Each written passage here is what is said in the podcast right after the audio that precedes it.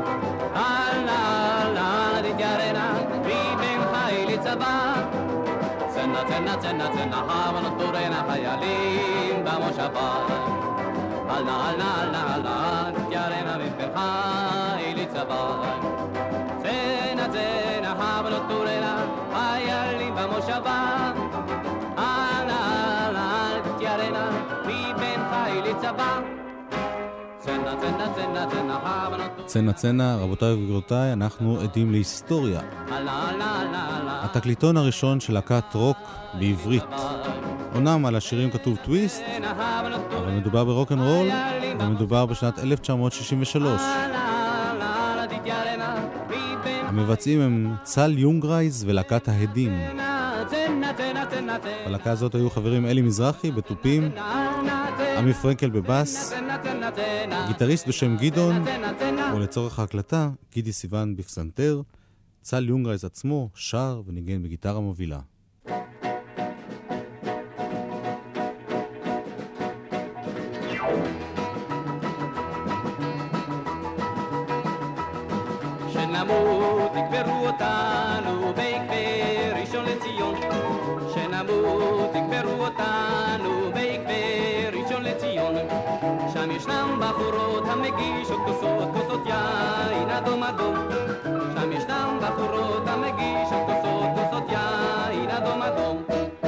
שנמות יקברו אותנו ביקבי ראשון לציון.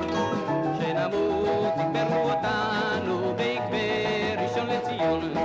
שם ישנם בחורות המגישות כוסות, כוסות יין אדום אדום. שם ישנם בחורות המגישות כוסות, כוסות יין אדום אדום. בצלאל יונגרייז יותר מ-30 שנה בארצות הברית, חוזר ארצה, והוא נמצא איתנו באולפן, ואני שואל אותו, איך ילד ישראלי בשנת 1956, ילד ישראלי בן 15, מגיע פתאום לרוקנרול? באותה תקופה ניגנתי צ'לו, תמיד אהבתי מוזיקה. פתאום הגיע סרט שקראו לו Rock Around the Clock, עם ביל היילי והקומץ, וכששמעתי את הקצב את ה... וראיתי את הגיטרה החשמלית ואת כל הריתם הזה, ממש התפוצץ בי משהו. משהו זה, היה פיצוץ כזה, אמרתי לעצמי לעזאזל, מה אני עושה עם הצ'לו הזה? מה אני עושה עם המוזיקה הקלאסית הזאת? מספיק, אני שוכח מזה ואני הולך ללמוד גיטרה. קנו לי גיטרה אקוסטית כמובן, התחלתי ללמוד. מתי עברת לחשמלית? גיל 18, אני מדבר על 1959. היה אפשר לקנות אז גיטרה חשמלית בארץ? לא, שלחו לי אותה מארצות הברית. קרובי משפחה שלחו לי אותה מארצות הברית. לא ידעתי בכלל איזה גיטרה אני הולך לקבל. אמרתי, please send me an electric guitar. קיבלתי את הגיטרה, וזו הייתה גיטרה שקראו לה הרמוני. אמפליפייר עוד לא היה. אז בהתחלה רק שמענו את הצליל uh, של הגיטרה. אחרי שגמרתי טירונות בצבא, רצו לעשות איזו מסיבה, והמפקד שאל, uh, האם יש מישהו שיודע לשיר, לנגן, אה, משהו כזה? אמרתי, כן, אני מנגן על גיטרה ושר. אמרו, בסדר. שלחו אותי עם ג'יפ, שלחו אותי לתל אביב עם מישהו, הלכתי, הבאתי את ההרמוניקה, את הגיטרה, ויש לי תמונה על זה, בלי amplifier, לא היה לי amplifier. אז היה מיקרופון אחד לשירה, ומיקרופון אחד כופפנו. ושרתי שם שירים של אלביס, שירים כאלה, רוק ו slow, והחבר'ה השתגעו שם. שוב הרוח לוחם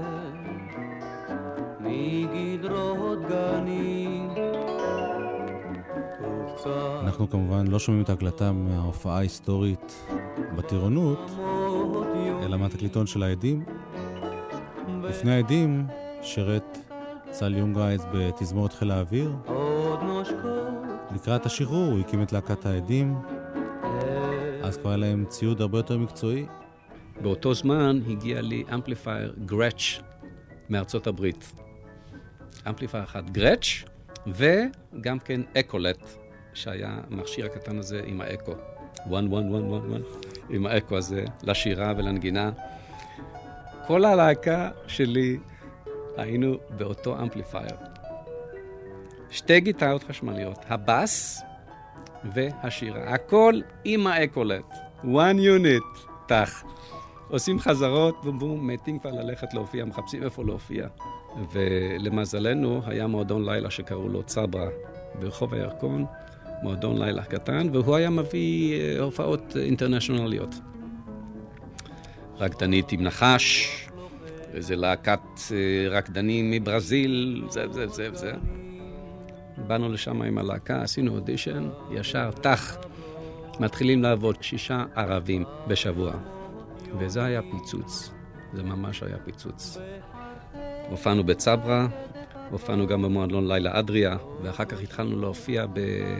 בארץ, בבתי קולנוע, על הבמה של בתי קולנוע במקומות שונים בארץ. כי ההופעות שלנו בצברה היו ב-12 בלילה וב-2 בבוקר. אז היה לנו את הערב פנוי, וחרשנו את כל הארץ, ואני הראיתי לך פוסטר אחד. ואתה זוכר מה היה כתוב על הפוסטר? שהקהל מתבקש לשבת בשקט ולשמור על קור רוחו. מה שהיה קורה, היו השתוללויות והיו, והתחילו לשבור כיסאות. התחילו לשבור כיסאות שם. ובאחת ההופעות בעל, בעל הבית סגר את האור וביקש שנפסיק את ההופעה ושלח את כולם הביתה. אתה מדבר על רוקנרול והשתוללויות, ואנחנו שומעים כל הזמן ברקע שירים בעברית. אנחנו רצינו להקליט, ואמרו, אנחנו מוכנים להקליט אתכם רק אם תשירו חומר ישראלי. ואני לא נגעתי בחומר ישראלי. כל החומר שלנו היה לועזי, היה אנגלי. התלבושות שלנו, הסטייל שלנו, הכל היה רוק. רוק, רוק, רוק, רוק וטוויסט. ואת הוילדונת, את השיר הוילדונת, הכרתי מקודם. ואמרו, אם אתם רוצים להקליט תקליט של ארבעה שירים, אתם צריכים ארבעה שירים ישראלים. עכשיו בוא נדבר על השיר ילדונת, הלהיט הגדול שלך, משנת 63. כן, מספר שמונה במצעד הפזמונים של גלי צה"ל. אנחנו שומעים עכשיו ברקע את השיר הזה במין הקלטה כזאת, זה מתקליט 78 מאוד חורק, אני מתנצל על האיכות. כן. מה זה, מה אנחנו שומעים פה? התקליט הזה הוקלט כשהייתי, אני חושב, בן 16, משהו כזה, עם חבר שלי שקראו לי דודי לוי. זה 56, משהו כזה? כן, 56, 57, משהו כזה. ו... צמד הפעמונים כתוב. צמד הפעמונים. והחבר שלי היה קרוב, הייתה לו איזו קרבה משפחתית ליהודה כרמל, שכתב את השיר. אז ככה זה נשמע אז, וככה זה נשמע כמה שנים אחרי, בתור רוקנרול עברי.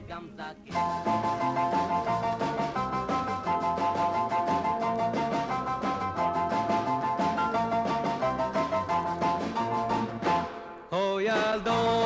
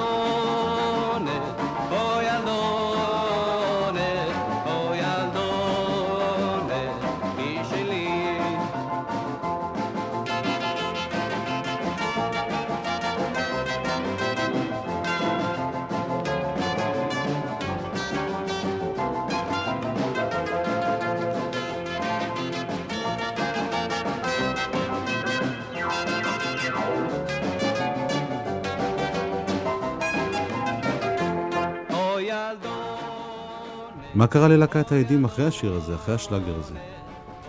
להקת העדים המשיכה להופיע בארץ. אנחנו לא שרנו את השיר הזה בהופעות שלנו, גם אחרי ההקלטה. לפעמים, אם הייתה איזו בקשה אחרי ששמעו את זה, שרנו את זה, ואחר כך, ואנחנו המשכנו להופיע במועדוני לילה.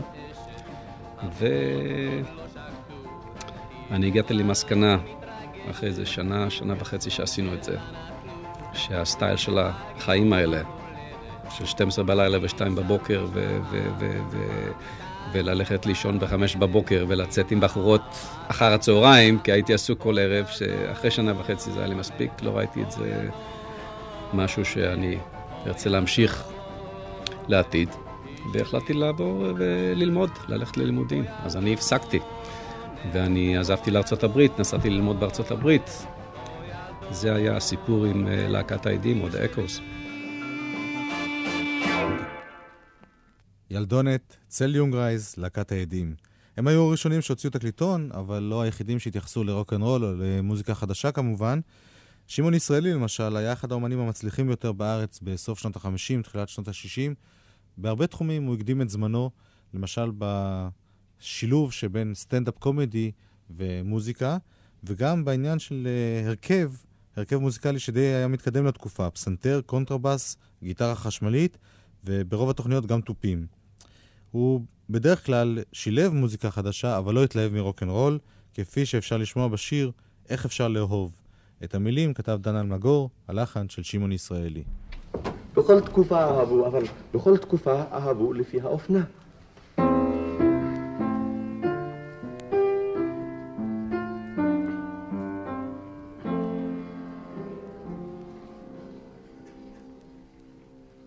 בתקופתו של באך האהבה ברא לה יוהן סבסטיאן באך איך הוא אהב.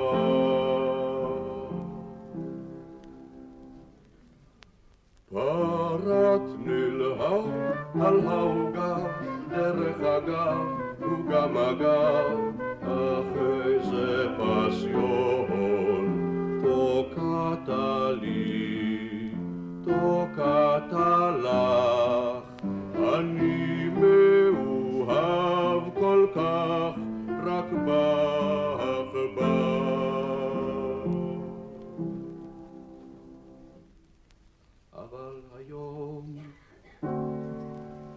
זה היום אתה יוצא לרחוב איך אפשר לאהוב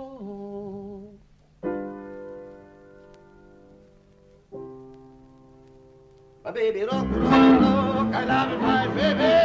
Rock, rock, I love my baby. Rock, rock, I love my baby. Rock, rock, rock, I love my baby. Rock, rock, I love my baby. Rock, rock, rock, לא לירוק. היום זה היום, רוק, רוק, רוק, לא לירוק. השיר הזה ממשיך, והרעיון הזה די מובן. אגב, המעבד המוזיקלי כאן היה אלכס וייס, שבהמשך שנות ה-60 הפך להיות uh, מוזיקאי בעל חשיבות רבה ביצירת המוזיקה החדשה בארץ. אנחנו בשנת 1963, באותה תקופה גם הממסד, כלומר אותם אמנים שכן uh, זכו להכרה, כן הוציאו תקליטים, גם הם לא יכלו להתעלם מהחידושים בעולם. בדרך כלל uh, קיבלו בזרועות פתוחות את המוזיקה הלא אמריקנית, כלומר את המוזיקה הצרפתית, את המוזיקה הים תיכונית, פחות אהבו את מה שנחשב uh, אמריקני, טוויסט, רוק אנד רול, כל הדברים האלה. עם זאת, גם בקרב הלהקות הצבאיות היו ניסיונות בודדים להתעדכן. למשל, להקת פיקוד מרכז, 1963, טוויסט מולדת. תסתכלו.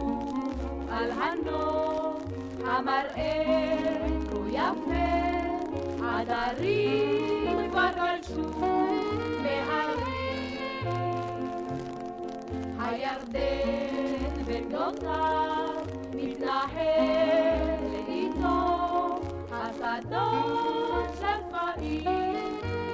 הילדים הללו הכבישים. נוסעים נוסעים גלים כבר מאחור, חזון דוחק, נהג התחצול. בכביש דלול לעבר האדם, להעיף מבט לכל בלב נפעם. מרחוב החברון מחזיק עננים על פסדו חולפים ממזרח על הים תשליך לנו לנו הכבישים לנו לנו הכבישים עוברים שוטפים הרים העמקים, כבד לשמאל, כאן גבול להיזהר. עולה ניחוח מן הפרדסים, והשפלה לנגב ומהר. כל מדבר על תמשות מלאים במכתש החום מלהט. מתפרצים למרום צוקים, היי עצורי לאילת.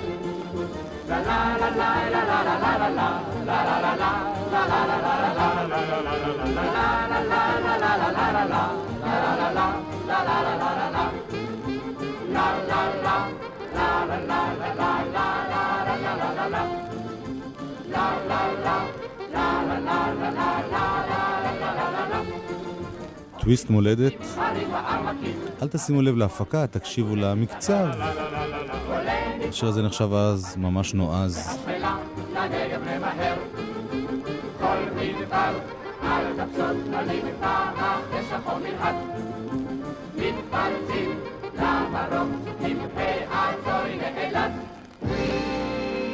טוויסט מולדת, כתבה דרורה חבקין, איבד אריה לבנון. הוא עשה משהו דומה באותה תקופה עם להקת פיקוד צפון, שם הוא הלחין מילים של רימון עדינור לשיר שנקרא "יהיה יהיה טוב", בין חברי הלהקה דני בן ישראל, קובי אושרת, ציפי שביט וגדי יגיל. יהיה טוב. בראשית ברא אלוהים את השמיים ואת הארץ. ויהיה ערב, ויהיה בוקר, ויהיה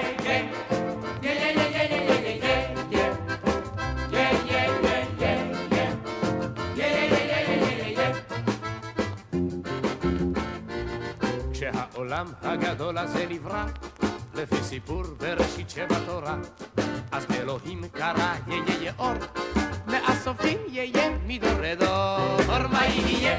יהיה. עכשיו הקצב מחייב. עוד יהיה, יהיה. כן עוד יהיה פעם טוב. השאלה היא, מתי יהיה, יהיה, יהיה.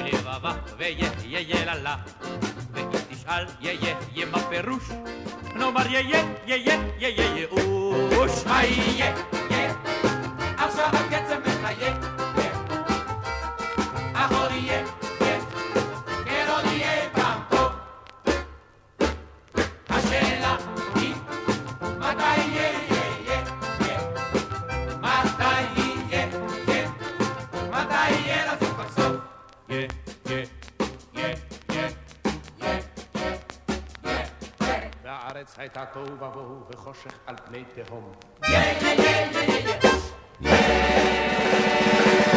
להקת פיקוד צפון.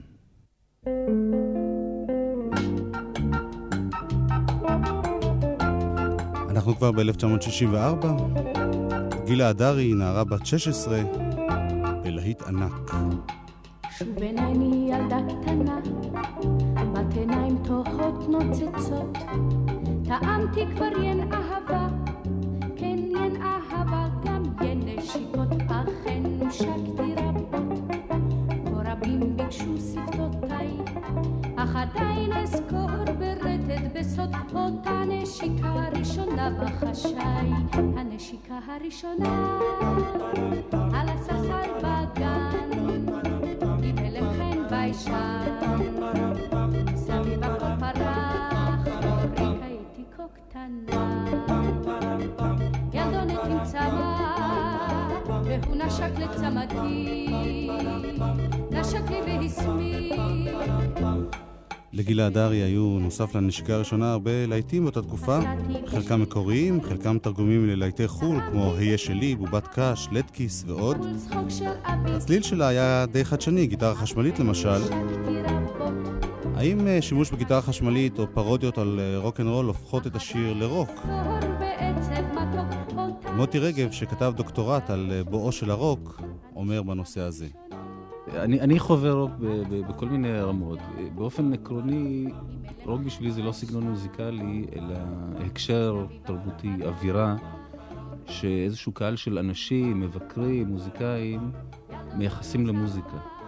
ואז אפילו לפעמים מוזיקה עם עיבוד סימפוני ועם עיבודים אקוסטיים יכולה ליפול בקונטקסט של רוק. מצד שני, יש מושג טיפה יותר רחב שהוא אסתטיקת הרוק. השימוש בכלי נגינה, המודעות לאפשרויות שבאולפן ככלי יצירתי, אה, סגנון זמרה, הגשה קולית של זמרים, הדגש על זה שהמבצע הוא גם מחבר. אסתטיקת הרוק זה משהו שאתה יכול לבוא למוזיקות, סוגי מוזיקה ולומר, זה לא מוזיקת רוק, אני לא חווה את זה כרוק, אבל הם משתמשים באלמנטים של אסתטיקת הרוק. בגלל זה אני אומר, הרוק זה קודם כל עניין של אווירה ומשמעויות, שזה איזשהו אוסף של נקרא לו המאמינים ברוק, כנסיית הרוק, אני, אני לא יודע איך לקרוא לזה, אה, מייחסים לסוגים של מוזיקה. ואז לא חייבים להיות במוזיקה כל האלמנטים של אסתטיקת הרוק, אבל יש מוזיקה שקיימת פה בתוך איזושהי מסורת. ושלפעמים באמת לא ברור מה היא, אבל בסך הכל יש לה איזה גרעין ברור שממשיך להתקיים.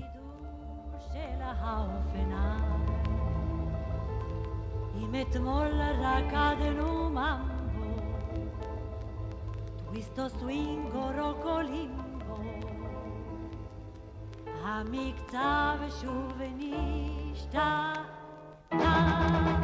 הכל אדיש, לך ישנה תרופה, קצב חדיש, כרוח התגובה, שא את רגליך לימין ושמאל, זה מקצב הליגלי ששינה את הכל.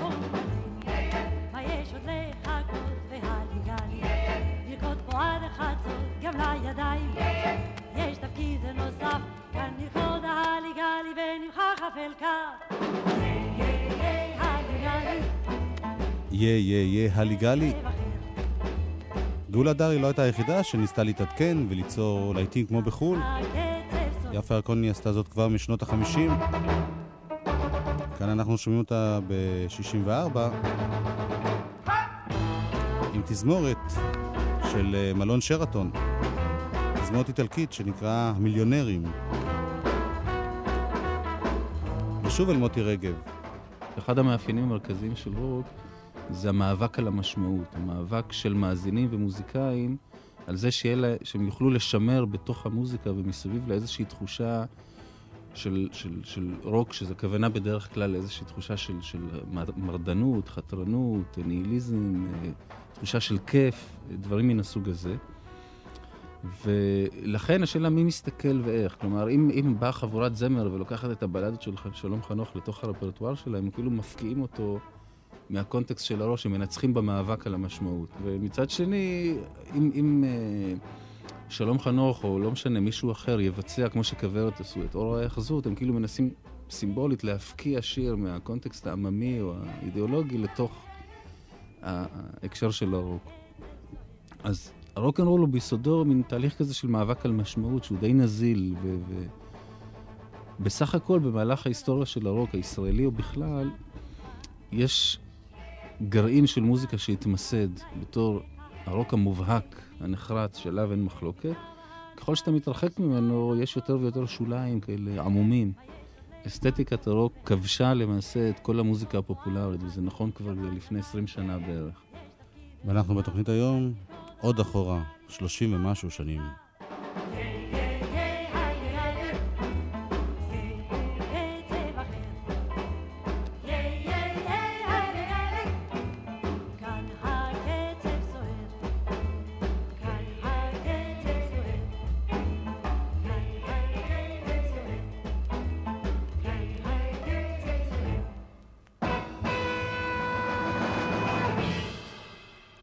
ירקוני, ואנחנו עוברים לפסקול הסרט דליה והמלאכים.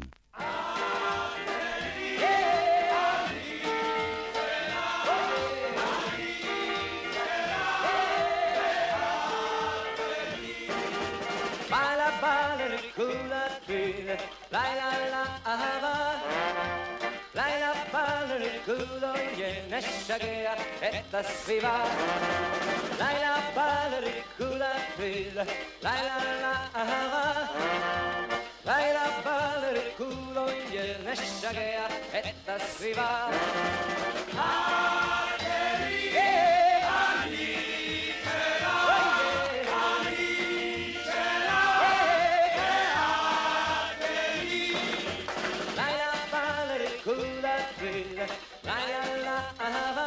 דון חוליו שר טוויסט בפסקול הסרט דליה והמלאכים, לחן של יצחק גרציאני.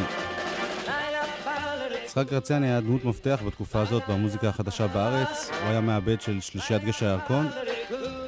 ושם הוא הכניס אה, די הרבה חידושים מבחינת העיבוד, אם כי לא לכיוון הרוק דווקא. בשנת 1964 הרוק כבר לא היה אותו רוק שהיה בתחילת דרכו עשר שנים קודם לכן. כבר לא רק ריקוד אמריקני, כבר לא משהו פרוע של התרסה נגד הדור הקודם, אלא כבר בשלב זה הרוק נחשב לאומנות, לפחות חלק מיוצרי הרוק. הביטלס כבר עשו תקליטים מאוד מפותחים, הרולינג סטונס הצליחו, הרבה אומני רוק אחרים הפכו להצלחות בינלאומיות. בארץ הרוק היה עדיין בדיחה או פרודיה. מעטים בלבד הטמיעו את החידושים במוזיקה בתוך היצירה שלהם. אנחנו נהיה עכשיו עם עוד קטע מתוך דליה והמלאכים. הפעם מדובר בשלישייה המצליחה ביותר בארץ באותה תקופה, שלישיית גשר הירקון, יורם גאון, בני אמדורסקי, אריק איינשטיין. הם חובשים פאות כמו הביטלס על העטיפה, ושרים שיר, גם הוא, כמו הביטלס, מקצב השייק, הריקוד הכי פופולרי באותה תקופה. שייק,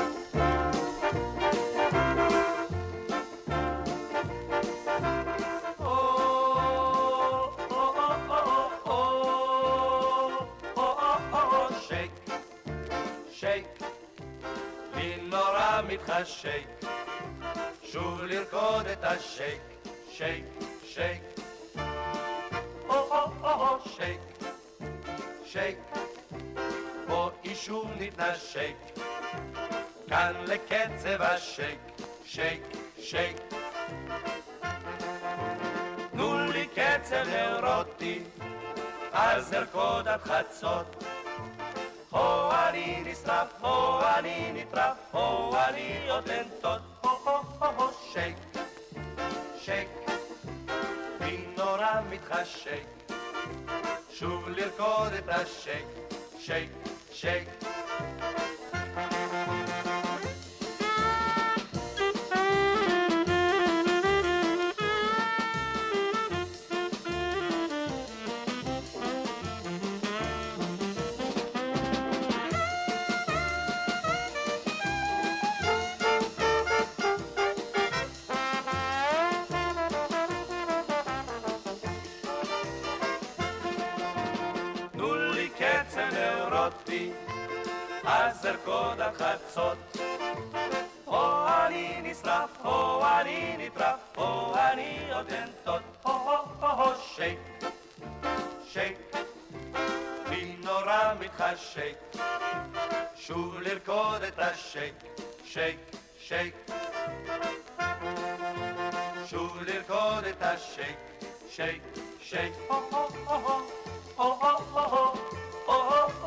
שייק.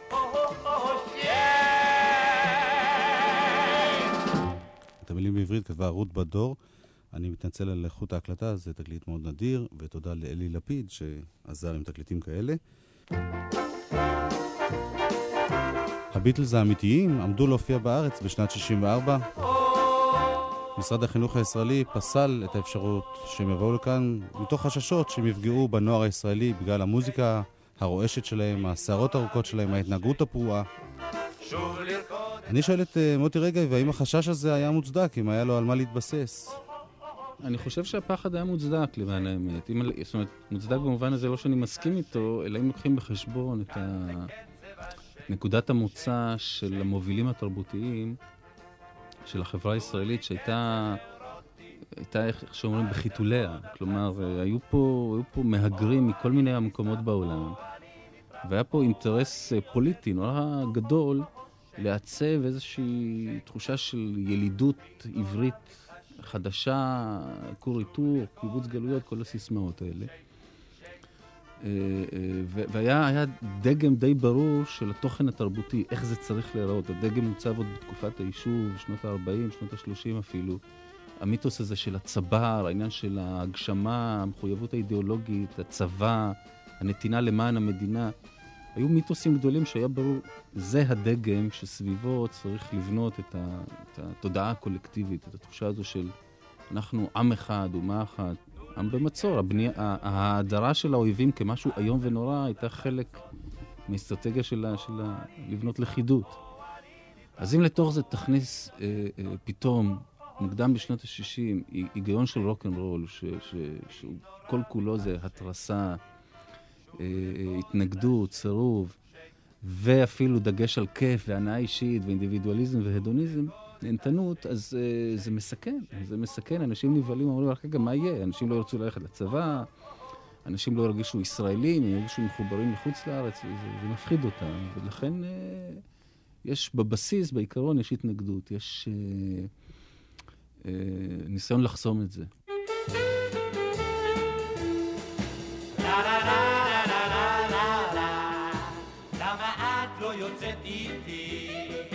מה את רצה אחרי ההוא? בשבילי את זהב, יא חבובתי, שכך הוריי יחיו. למה זה אכזרים אליי? למה זה את ליבי קרו? לך נתתי הכל, גם את שתי עיניי, שימות הלוואי ההוא. שש מאות לירות שילמתי בשביל פריג'ידר בחיי, ובסוף איך השתוממתי שאת פריג'ידר אליי. למה את לא יוצאת איתי? מה את רצה אחרי ההוא? תרצי נתחתן ותהי כמו אשתי, וואלה, I love you.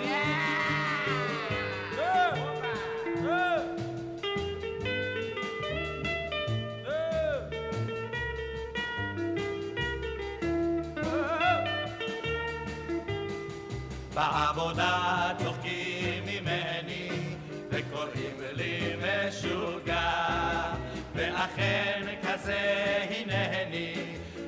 אלייך אתגעגע למה את לא יוצאת איתי? מה את רצה אחרי ההוא? את כמו סוכר שלי, יא שמחה שמחתי אני סובל יו יו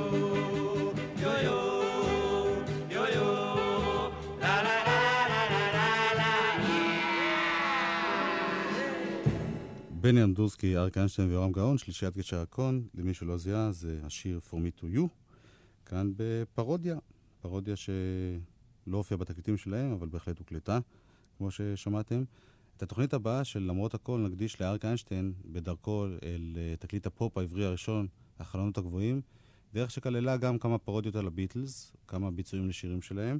היום, עכשיו, נשמע את uh, השותף השלישי בשלישיית גשר הקון, יורם גאון, היה לו תקליט סולו באותה תקופה, תקליט שכלל גם כמה להיטים גדולים מקוריים, כמו uh, אמרו לי ואיפה הבחורות ההן, וגם שירים מתורגמים של דומיניקו מודוניו, ג'ורג' ברסנס, ניקולה פאונה, הקומפניון דה לה שנסון, וגם שיר אחד של הביטלס.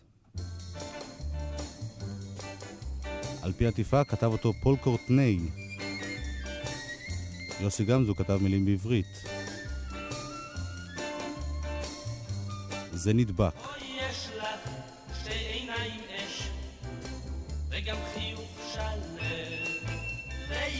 לך, יש לך מה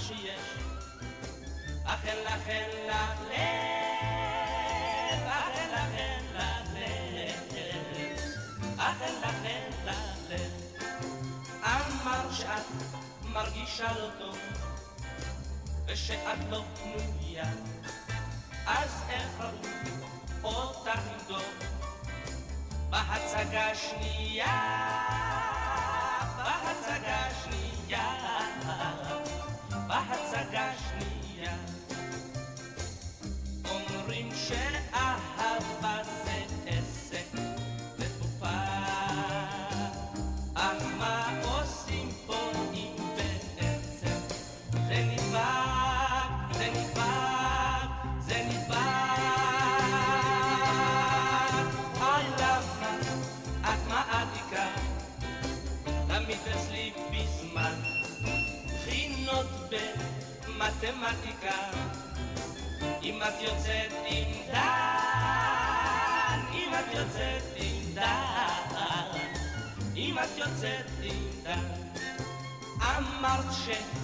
שצביקה פוש גדול, וגיורא סתם ארטיסט, אז למה במסיבה אתמול הזמנת אותם לטוויסט, הזמנת אותם לטוויסט, הזמנת אותם לטוויסט.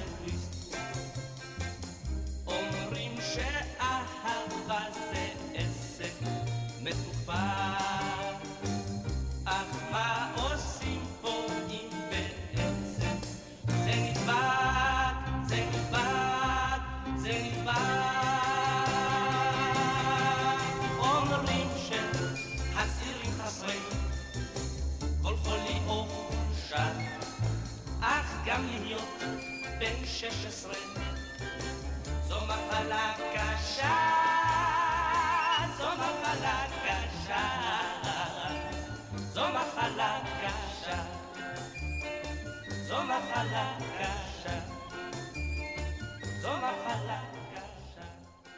יורם גאון, זה נדבק. אנחנו נלמוד בבדיחה כזאת מ-1965. על התקליטון מופיע שם ההרכב, החיפושיות של אלברט כהן.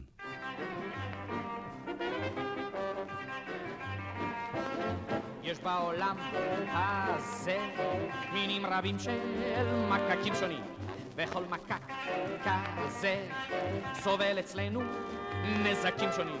אך מסיבות אישיות יש מין של חיפושיות אשר זכה להצלחה. כן המצב קשה לא לכל גיל יש הגאון שלו. אך אומרים הפסיכולוגים ש...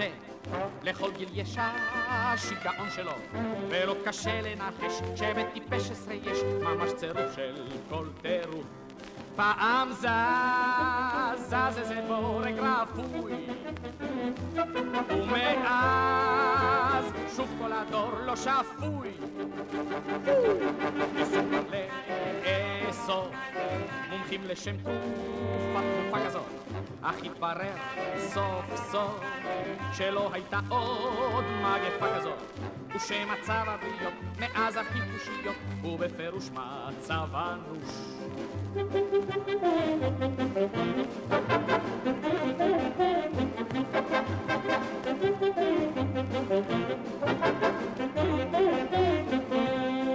כן, מצב הבריות מאז החיפושיות הוא בפירוש מצב אנוש. סוף סוף זז, זז איזה בורג רפוי, ומאז שוב כל הדור לא שפוי.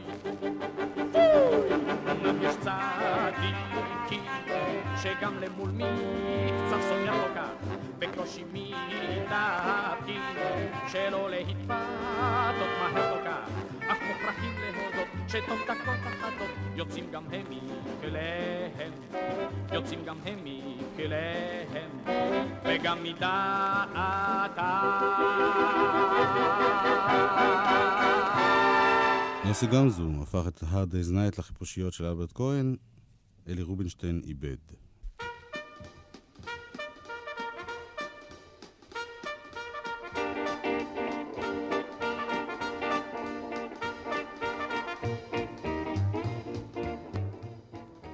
הקטע שאנחנו שומעים נקרא טוויסט באילת, והוא לקוח מפסקול הסרט "הבו בנות לאילת", שיצא למסקים ב-1965. יצחק גרציאני הלחין את הקטע הזה. כבר בראשית שנות ה-60 פעלו, כמו שסיפרנו קודם, כל מיני להקות רוק בשולי הממסד.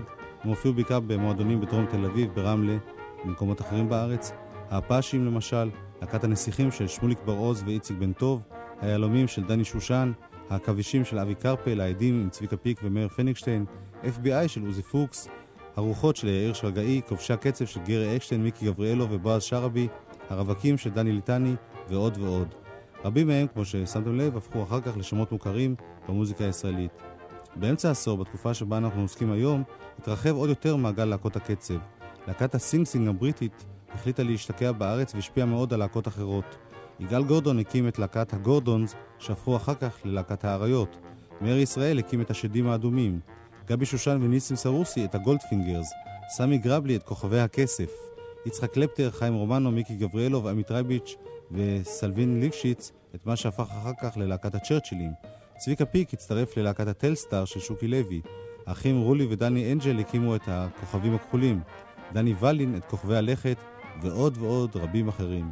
כמו בשנים הקודמות, גם ב-1965, לא זכתה אף אחת מהלהקות האלה בתשומת לב תקשורתית, אף אחד לא ניסתה להקליט בעברית. מעטים בכלל חלמו על uh, אפשרות ההקלטה. למשל, דני ולין וכוכבי הלכת, שכללו בין השאר אנשים שהפכו מפורסמים מאוד בארץ, טומי פרידמן בגיטרה סולו ובאס, דובי שטיר בגיטרה, משה אבני בגיטרה קצב ויואל ישראלי בתופים, הלהקה הזאת, כוכבי הלכת, הקליטו ארבעה שירים לתקליטון שאיש לא רצה להוציא. דני ולין מצא בארכיון שלו בבוידם את ההקלטות האלה. הנה אחד השירים, 1965, דני ולין, כוכבי הלכת, שיר בשם טלי. טלי,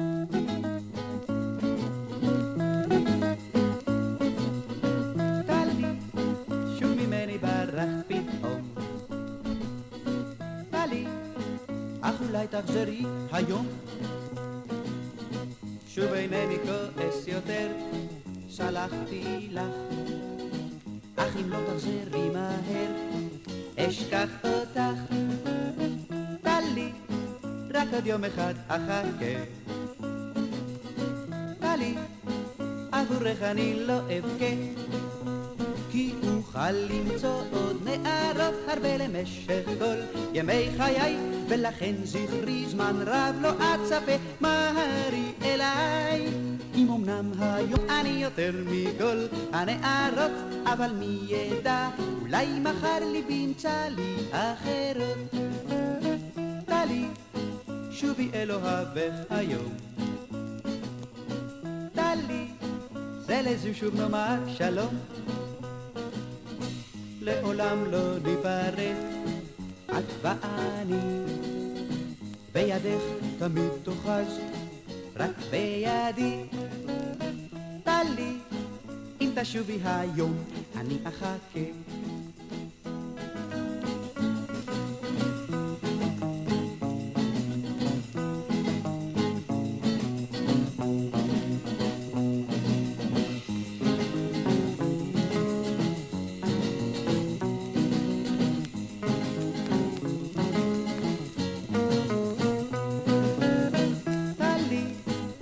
עוד יום אחד אחכה. טלי, עבורך אני לא אבכה. כי אוכל למצוא עוד נערות הרבה למשך כל ימי חיי, ולכן זכרי זמן רב לא אצפה מהרי אליי. אם אמנם היום אותך אוהב אני יותר מכל הנערות, אבל מי ידע, אולי מחר ליבי ימצא לי אחרות.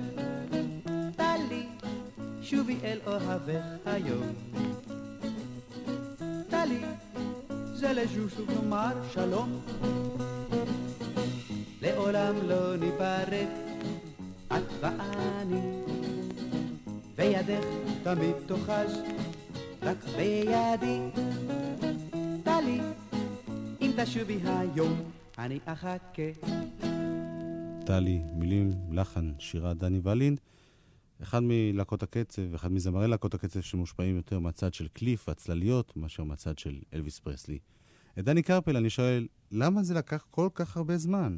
למה להקות הקצב לא הצליחו לפרוץ? כי א', זו לא תרבות מובנית של הארץ הזאת.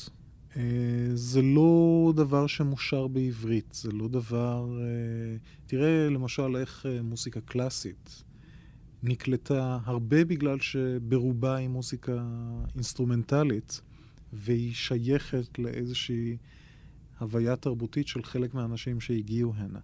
אני לא חושב שמישהו הגיע הנה עם ההוויה לא השחורה, לא הבלוזית, הג'אזית, הרידמן בלוזית והרוקנרולית, מלכתחילה. זאת אומרת, אני לא חושב שהעלייה מאזור ארצות הברית הייתה גדולה מדי ובעלת השפעה מדי כדי ליצור כאן את הגרעין שיפנה לכיוון הזה. היה צריך להיווצר כאן איזשהו שילוב שמורכב מהמקום ומהאנשים שהגיעו הנה. ואני חושב שרוקנרול הוא לא אחד מהמרכיבים, לא אחד מהתבלינים בשילוב הזה. הוא בעצם נכנס הנה כתוצאה מה... מהדרך של התקשורת להביא את המוזיקה הזאת אלינו, להביא את המוזיקה המערבית הנה. וזה לא קרה מהר. עובדה היא שזה לא קרה בגדול עד סוף שנות ה-60. לא נוצר כאן שום דבר משמעותי בכיוון של רוקנרול או פופ ישראלי מקורי עד סוף שנות ה-60. ולכן זה אומר שא', לא הייתה כנראה מוכנות גדולה מדי, וב', לא הייתה חשיפה גדולה מדי לדברים בזמן שהם קרו. כי כבר ב-63, 64, אתה שומע להקות קצב ישראליות. יש כבר להקות קצב ישראליות בארץ. הן לא מוקלטות עוד הרבה שנים, אבל אתה שומע אותם ורואה אותם מופיעים במועדונים, בבתי אזרח למיניהם, בכל מיני אולמות אה, שבימים רגילים איש לא היה מעלה שיהיה רעש כזה שם. דני קרפל, והוא יודע על מה הוא מדבר גם מניסיון אישי, כיוון שאחיו הגדול, אבי קרפל, היה באותה תקופה בדיוק סולן להקת העכבישים, שאליה נגיע באחת התוכניות הקרובות. את התוכנית היום נסיים בשלישיית הבידור החדשה שקמה בסוף 1965, שלישיית התאומים, עם חנן גולדבלט, פופי קרנון ואושיק לוי. זו הגרסה שלהם ל-Hit the Road Jack של ריי צ'ארלס, בעיבוד של אלכס וייס ועם מילים בעברית של דוד אבידן.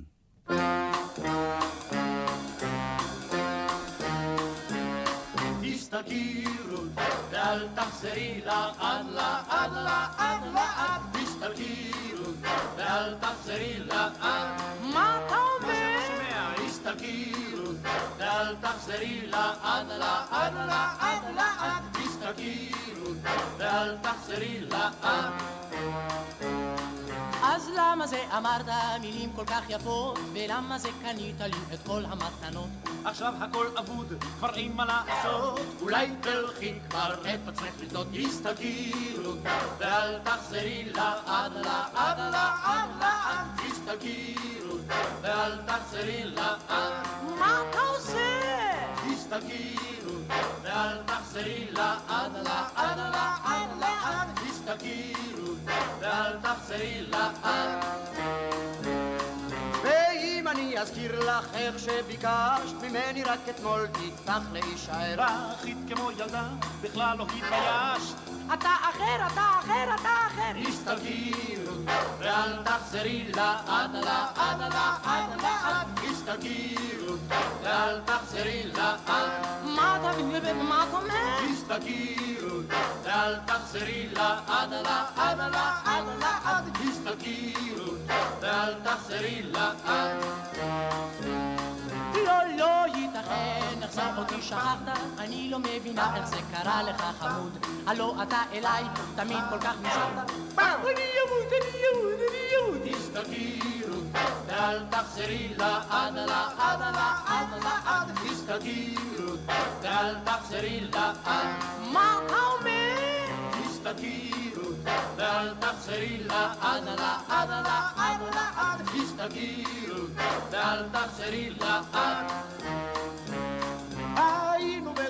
שממך מזמן נפטרנו. אתם אותי עושים לאומללה. אז קחי אחד במתנה והופ איתך גמרנו אתם אותי הורגים רק בגללה. תחזרי רות, ואל תסתכלי לעד, לעד, לעד, לעד, תחזרי רות, ואל תסתכלי לעד. מה אתה אומר? תחזרי רות, ואל לאט לאט לאט לאט תחזרי ואל תסתכלי לאט ואל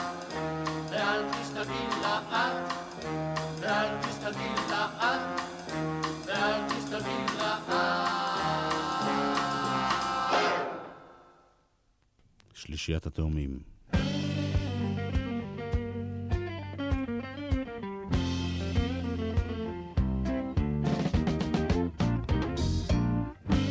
זהו, עד כאן למרות הכל להפעם. בשבוע הבא, אריק איינשטיין ושמולי קראוס בדרך לחלונות הגבוהים. להתראות.